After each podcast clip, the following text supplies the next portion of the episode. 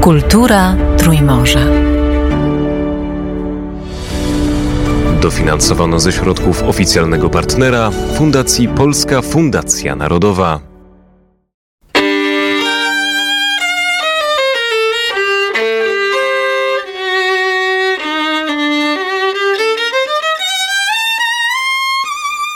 What's the key Jaki jest klucz do zrozumienia tradycyjnego węgierskiego folkloru?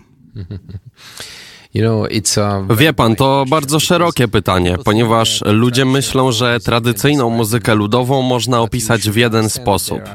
Ale należy zrozumieć, że istnieją regiony i dialekty. Jest tak wiele różnych aspektów, że tak naprawdę nie można zdefiniować w jednym zdaniu, czym jest ta węgierska muzyka ludowa.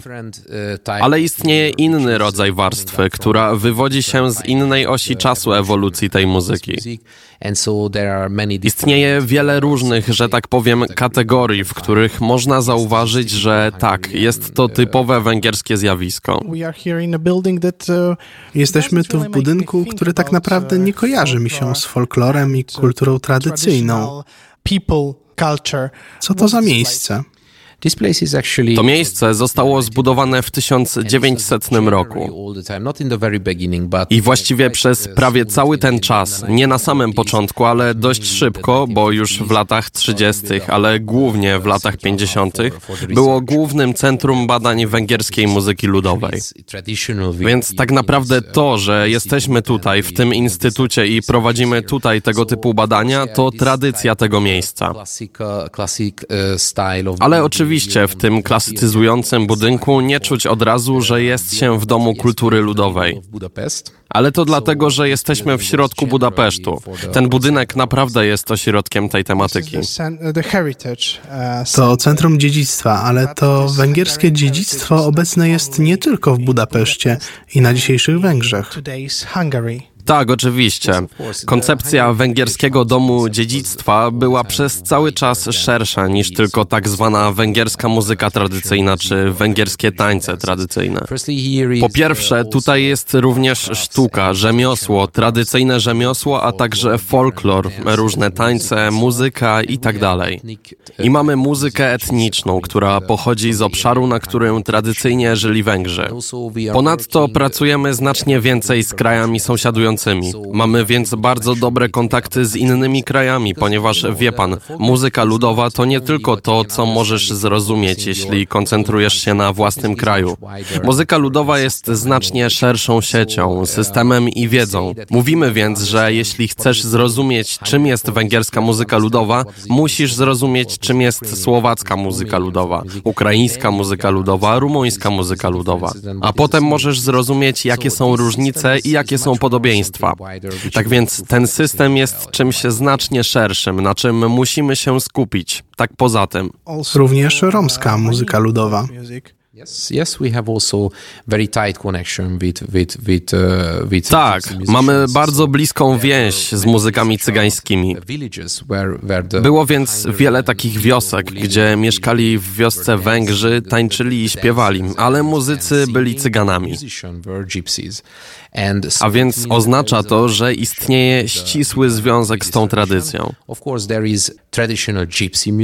Oczywiście jest też tradycyjna muzyka cygańska, ale wiele razy cyganie zapewniali muzykę ludową również Węgrom. Ale także robili to dla Żydów, grali tradycyjną muzykę, podobnie jak dla innych grup etnicznych. Więc to zależy od obszaru. Ale tak, mamy z tym bardzo długi i ścisły związek. Umieszcza pan tutaj węgierską muzyczną tradycję ludową w pewnym kontinuum geograficznym i etnicznym.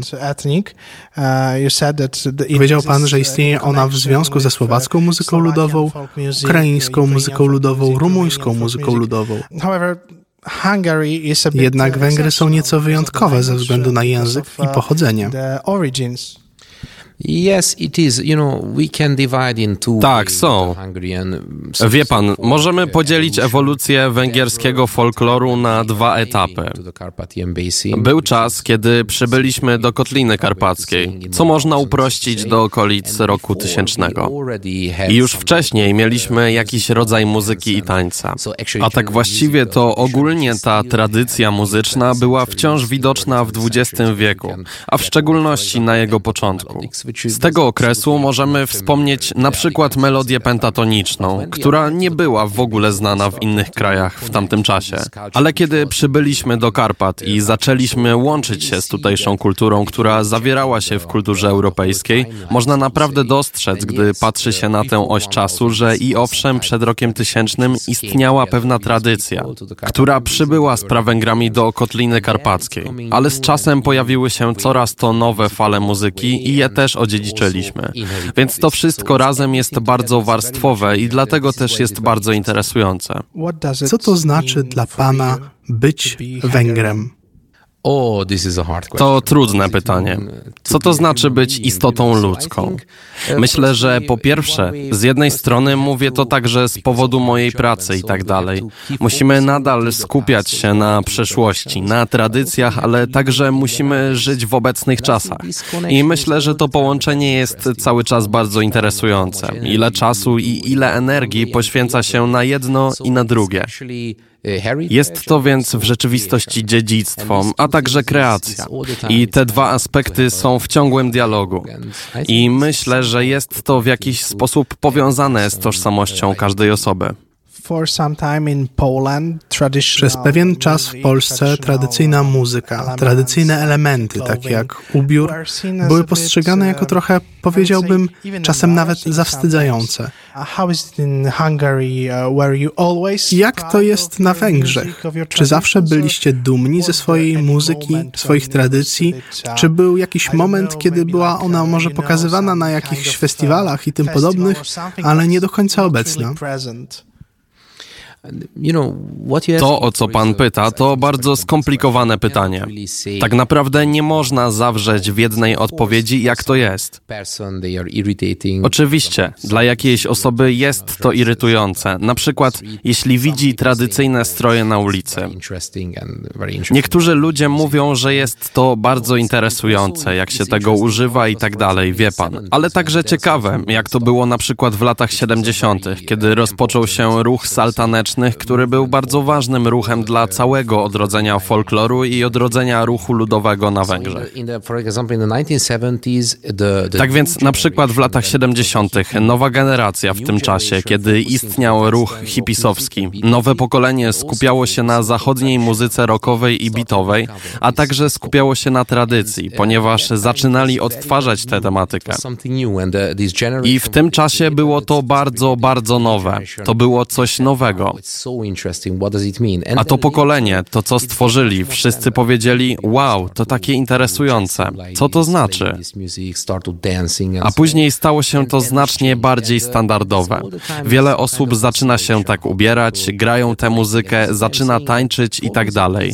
I to się zmieniło i cały czas jakaś oscylacja, jak ludzie się łączą, i dlatego widzę, że muzyka ludowa jest taka, że jeśli się docenia wiedzę z przeszłości, jeśli się o nią dba, to tworzy jakąś różnorodność kulturową. Ale oczywiście trzeba ją wykorzystywać ponownie przez cały czas. Tak więc jest w tym też ciągłe tworzenie, ponieważ jeśli tylko powtarzalnie się z niej korzysta, jest to coś bardziej jak religia, rozumie pan.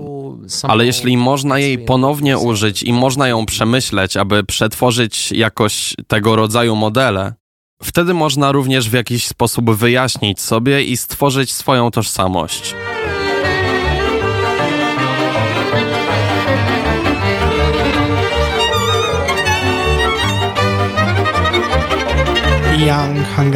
Czy młodzi Węgrzy interesują się tradycyjną kulturą? Um, culture? Myślę, że jeśli ktoś przyjedzie na przykład do Budapesztu, nazywamy to domami tańca. To miejsca, gdzie grają tradycyjne zespoły i wszyscy tańczą tego typu stare tańce, które zostały zgromadzone podczas pracy terenowej. Zaczęło się to właściwie w latach 50., 60., kiedy pojawiły się pierwsze kamery i nagrania filmowe. Całe te badania rozpoczęły się w latach 40., 50., a następnie stały się bardzo, bardzo popularne wśród ludzi.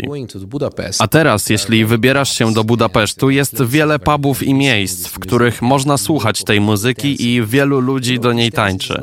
Te tańce nie są tak łatwe do nauczenia, więc to naprawdę niesamowite, że tak wielu młodych ludzi umie je tańczyć i mogą z tego korzystać. Na przykład po szkole. Chodzimy potańczyć trochę wieczorem, kiedy się kończy. Pijemy coś, słuchamy muzyki, śpiewamy, tańczymy i wracamy do domu. Więc tak, to jest bardzo popularne. I faktycznie widzimy, że staje się coraz bardziej popularne. Więc jeśli dobrze rozumiem, jest alternatywa dla tańczenia do R&B i techno. Można iść i tańczyć folklor. Tak, dokładnie, tak jest. I myślę, że to normalne, jeśli jest się w Europie w jakiejś stolicy czy innym mieście. To normalne, że ma się wiele różnych sposobów spędzania wolnego czasu. Właściwie to chyba pierwszy raz, kiedy słyszę o tradycyjnych tańcach tańczonych dzisiaj dla zabawy. Proszę powiedzieć mi coś więcej o badaniach. Powiedział Pan, że zaczęły się tak naprawdę w latach 50. wraz z prowadzeniem kamer. Ale jak to wygląda dzisiaj? You know, it's um, Pierwsze badania rozpoczęto, gdy była możliwość nagrań audio. Tak więc te pierwsze były trochę wcześniej niż to, co tworzyli Bylo Bortok czy Zoltan Kodal. Ale generalnie mówimy, że tak powiem, że profesjonalne nagrywanie w terenie rozpoczęło się od Zoltana Kodala i Beli Bortoka. A później, gdy technologia się zmieniła, nadeszły nowe i nowe tematy. A teraz są dwa sposoby myślenia na temat tych badań polowych i całej kultury kultury tradycyjnej. Jedni mówią, że ten rodzaj kultury już zaniknął, więc nie mam go już, więc nie możemy badać tego w terenie. Badania sprowadzają się głównie do bibliotek i coraz bardziej teoretycznych metod. Inna część ludzi mówi, że tak, ten rodzaj tradycyjnej kultury zaniknął, ale cały czas obserwujemy ogólnie kulturę i jej zmianę. Mówią więc, że tak, musimy cały czas chodzić do różnych miejsc i obserwować, jak ludzie zmieniają się w relacji z muzyką. Na uh, przykład ta muzyka ludowa, która skupiała się na terenach wiejskich, a teraz skupia się głównie w miastach, jak ona się zmienia, jak łączy się z miastem, z innymi kulturami popularnymi, jak przenikają się nawzajem. Tak więc nadal mamy wiele do zrobienia zrobienia, do badania i myślę, że ogólnie mówimy o kulturze i nauce o kulturze. A co pan o tym myśli? Myślę, że ten drugi pogląd jest słuszny. Jestem więc bardzo zainteresowany kulturą i nauką o kulturze, tymi oddziaływaniami i zmianami. Bada pan tylko kulturę węgierską, czy także nieco obce kultury? Um, tak jest, w rzeczy samej. Realizujemy projekt pod nazwą Projekt Polifonia, który skupia się na tradycjach ukraińskich. Więc jeżdżę tam przez 7 lat, by nagrywać ukraińską muzykę ludową, a także tańce. I tworzymy ogromną bazę danych, którą pan i słuchacze mogą zobaczyć na stronie polyphonyproject.com. Można tam słuchać około 2000 ukraińskich pieśni ludowych. Przyjeżdżają tu ukraińscy uchodźcy. Czy szukają tego rodzaju połączenia? Czy próbują połączyć się z węgierskim folklorem? Czy też próbują ponownie połączyć się z własnym? Uh, uh, Kiedy przyjmujemy ukraińskich uchodźców, tu w domu także mieliśmy 10 osób, a również e, w każdą środę ukraiński dom taneczny. Kiedy zapraszaliśmy Ukraińców i generalnie były to matki i dzieci, więc był to dziecięcy dom taneczny.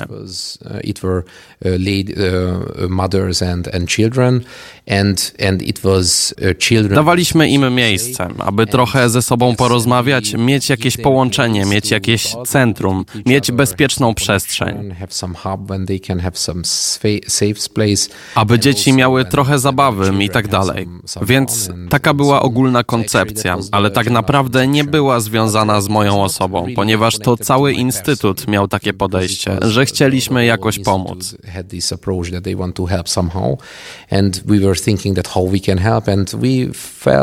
Odkryliśmy, że w rzeczywistości nie największym problemem jest to, gdzie te osoby mieszkają, ale jak spędzają czas, swój wolny czas. I dlatego staramy się tworzyć programy. Czy uważa Pan, że dzisiaj widzimy raczej upadek czy renesans tradycyjnego folkloru?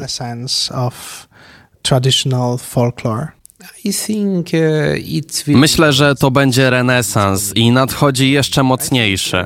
Myślę, że lokalizacja miejsca, w którym mieszkamy i historia miejsca, w którym mieszkamy, staje się coraz ważniejsza. Jednakże jest też inny ruch, kiedy widzimy, że tak, mieszkam trochę w tym kraju i w tamtym kraju. Moja praca jest taka, że cały czas się poruszam. Ale nauka i badania mówią, że jeśli ktoś opuszcza swój dom, miejsce, które zostawiła ta osoba, staje się dla niej coraz ważniejsze. Więc myślę, że będzie on zyskiwał na znaczeniu. Ostatnie pytanie. Dlaczego zaangażował się Pan w muzykę, a zwłaszcza w muzykę tradycyjną? Każdy ma swoją własną historię. Dla mnie to było bardzo proste. Byłem zaangażowany w muzykę rockową, gdy byłem dzieckiem i byłem już wtedy muzykiem.